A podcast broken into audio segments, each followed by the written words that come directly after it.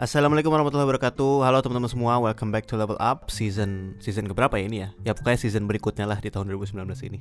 Jadi kemarin gue udah ngajuin um, ask a question di Instagram Story dan udah ada terkumpul ber, beberapa puluh pertanyaan dan gue akan jawab beberapa. Dan untuk di podcast kali ini gue akan menjawab pertanyaan dari Abdul Fatah.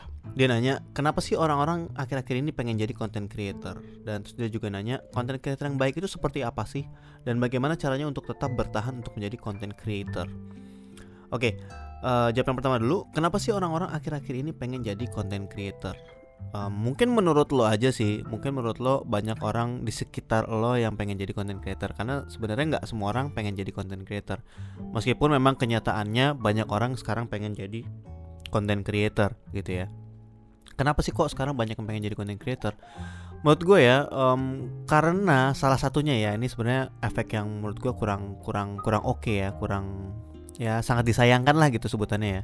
Karena mungkin banyak orang mungkin ya ini menurut gue mungkin banyak orang yang melihatnya dari sisi uh, penghasilan atau pendapatan gitu kan. Karena ya kita nggak bisa pungkirin ya kalau kita lihat YouTube gitu atau sosial media yang lainnya banyak banget yang uh, ke sana menunjukkan uh, hasil dari yang mereka dapatkan dari sosial media atau dari menjadi content creator gitu.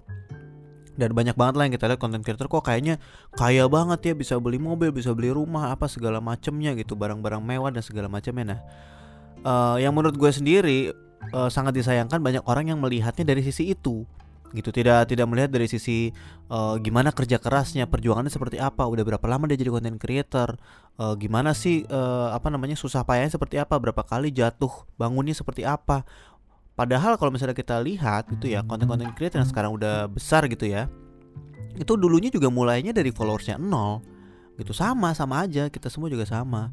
Kita mulai dari followersnya nol subscribersnya nol viewsnya juga nol gitu. Cuma um, mereka mungkin udah menjalani banyak pengalaman bikin video bikin konten pelan-pelan. Akhirnya kontennya banyak yang orang suka akhirnya nyebar di share sama orang akhirnya followersnya naik terus gitu. Nah ini yang menurut gue mungkin banyak orang pengen jadi content creator karena melihat uh, hasil akhirnya gitu kan. Karena kebanyakan orang itu suka melihat hasil akhirnya tapi tidak melihat proses panjang di tengahnya gitu. Dan nggak banyak juga orang yang nge-share susah payahnya seperti apa gitu. Kebanyakan uh, mungkin yang yang yang bukan kebanyakan ya yang sering gue lihat adalah orang lebih banyak nge-share hasil akhirnya gitu. Nggak nggak semuanya mau mau share susah payahnya seperti apa gitu. Ini gue ngomong agak-agak cadel ya maaf ya.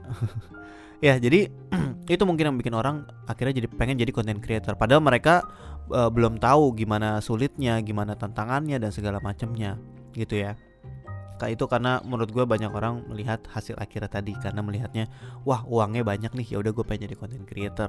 Padahal sebenarnya passionnya mungkin bukan di situ gitu loh. Jadi gue juga pernah ngomong di podcast sebelumnya bahwa nggak semua orang itu harus jadi content creator gitu. Tapi profesi apa pun itu kita bisa manfaatin sosial media gitu. Karena sosial media ini uh, sebuah platform yang dahsyat untuk kita ibaratnya mempromosikan atau menjadikan pekerjaan kita itu portfolio atau untuk kita sharing dari profesi kita gitu agar uh, supaya banyak orang bisa dapetin manfaatnya dari apa yang kita kerjakan gitu. Syukur-syukur bisa dapat keuntungan atau mungkin bisa dapetin job baru dari setelah kita sharing di Instagram atau YouTube dan segala macamnya gitu. Jadi berarti kayak apa ya udah kayak diary kita lah gitu agak-agak uh, zaman sekarang udah zaman internet banget. Kalau misalnya kita nggak punya Instagram atau YouTube atau akunnya aja deh paling nggak gitu ya itu kayaknya kayak ketinggalan banget aja gitu loh.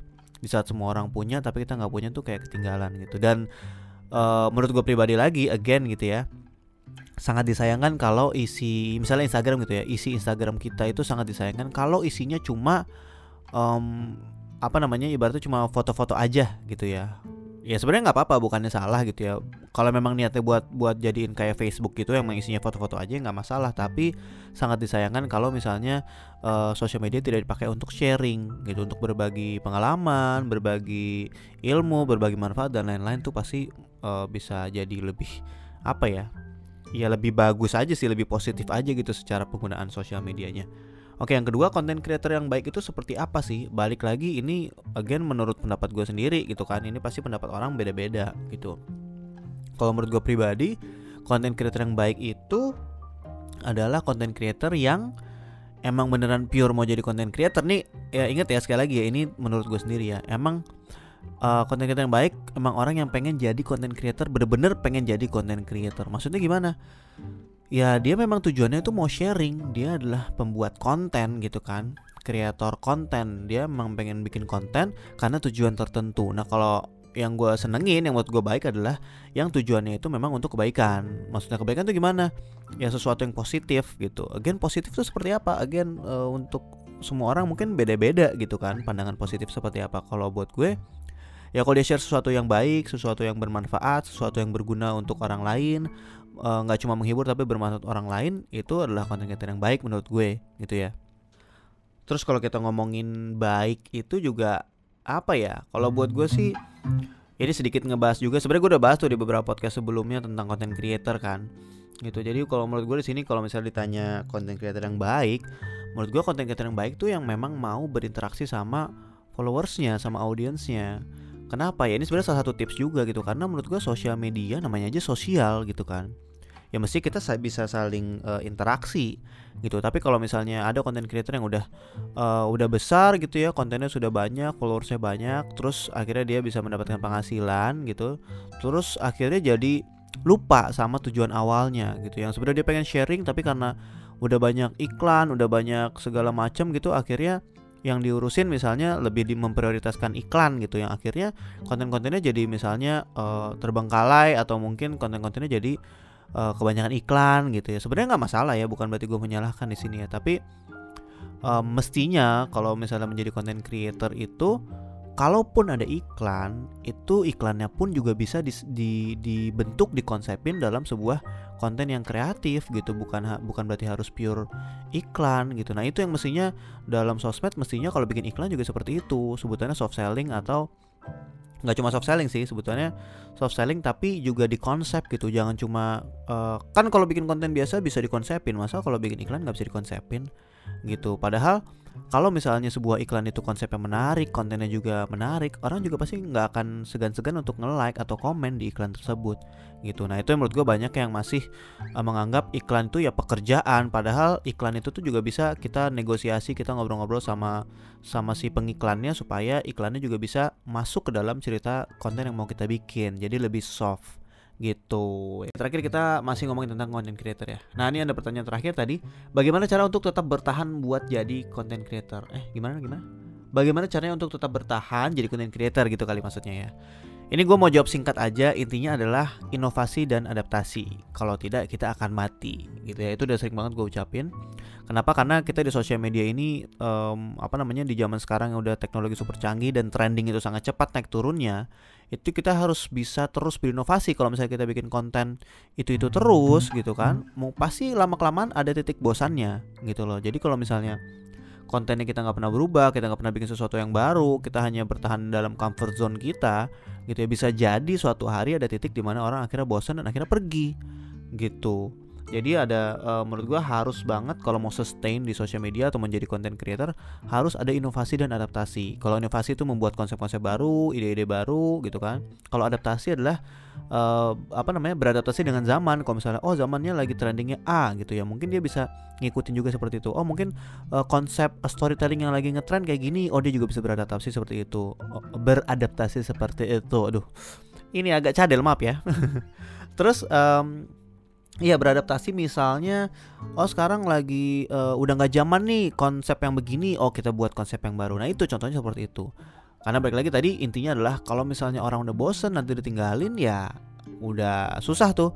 Ya berarti nih kalau misalnya udah jadi content creator bertahun-tahun gitu ya followers tuh jumlah followers tuh udah udah nggak real lagi gitu. Kenapa? Karena misalnya nih dalam 2 tahun oh followersnya satu juta gitu.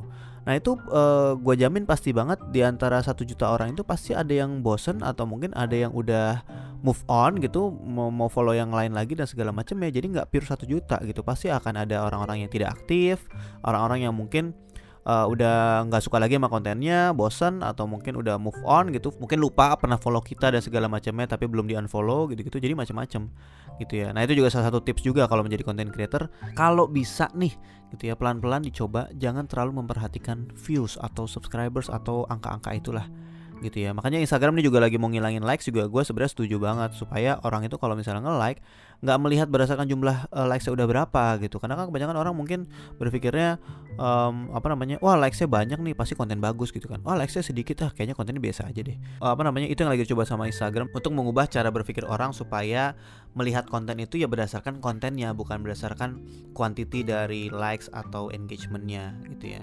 Oke kira-kira gitu aja yang bisa gue share kali ini. Ini jadinya bukan less than 5 minutes ya Karena udah cukup panjang. So thank you guys for listening to this podcast And see you guys in the next Level Up podcast Powered by Anchor. Wassalamualaikum warahmatullahi wabarakatuh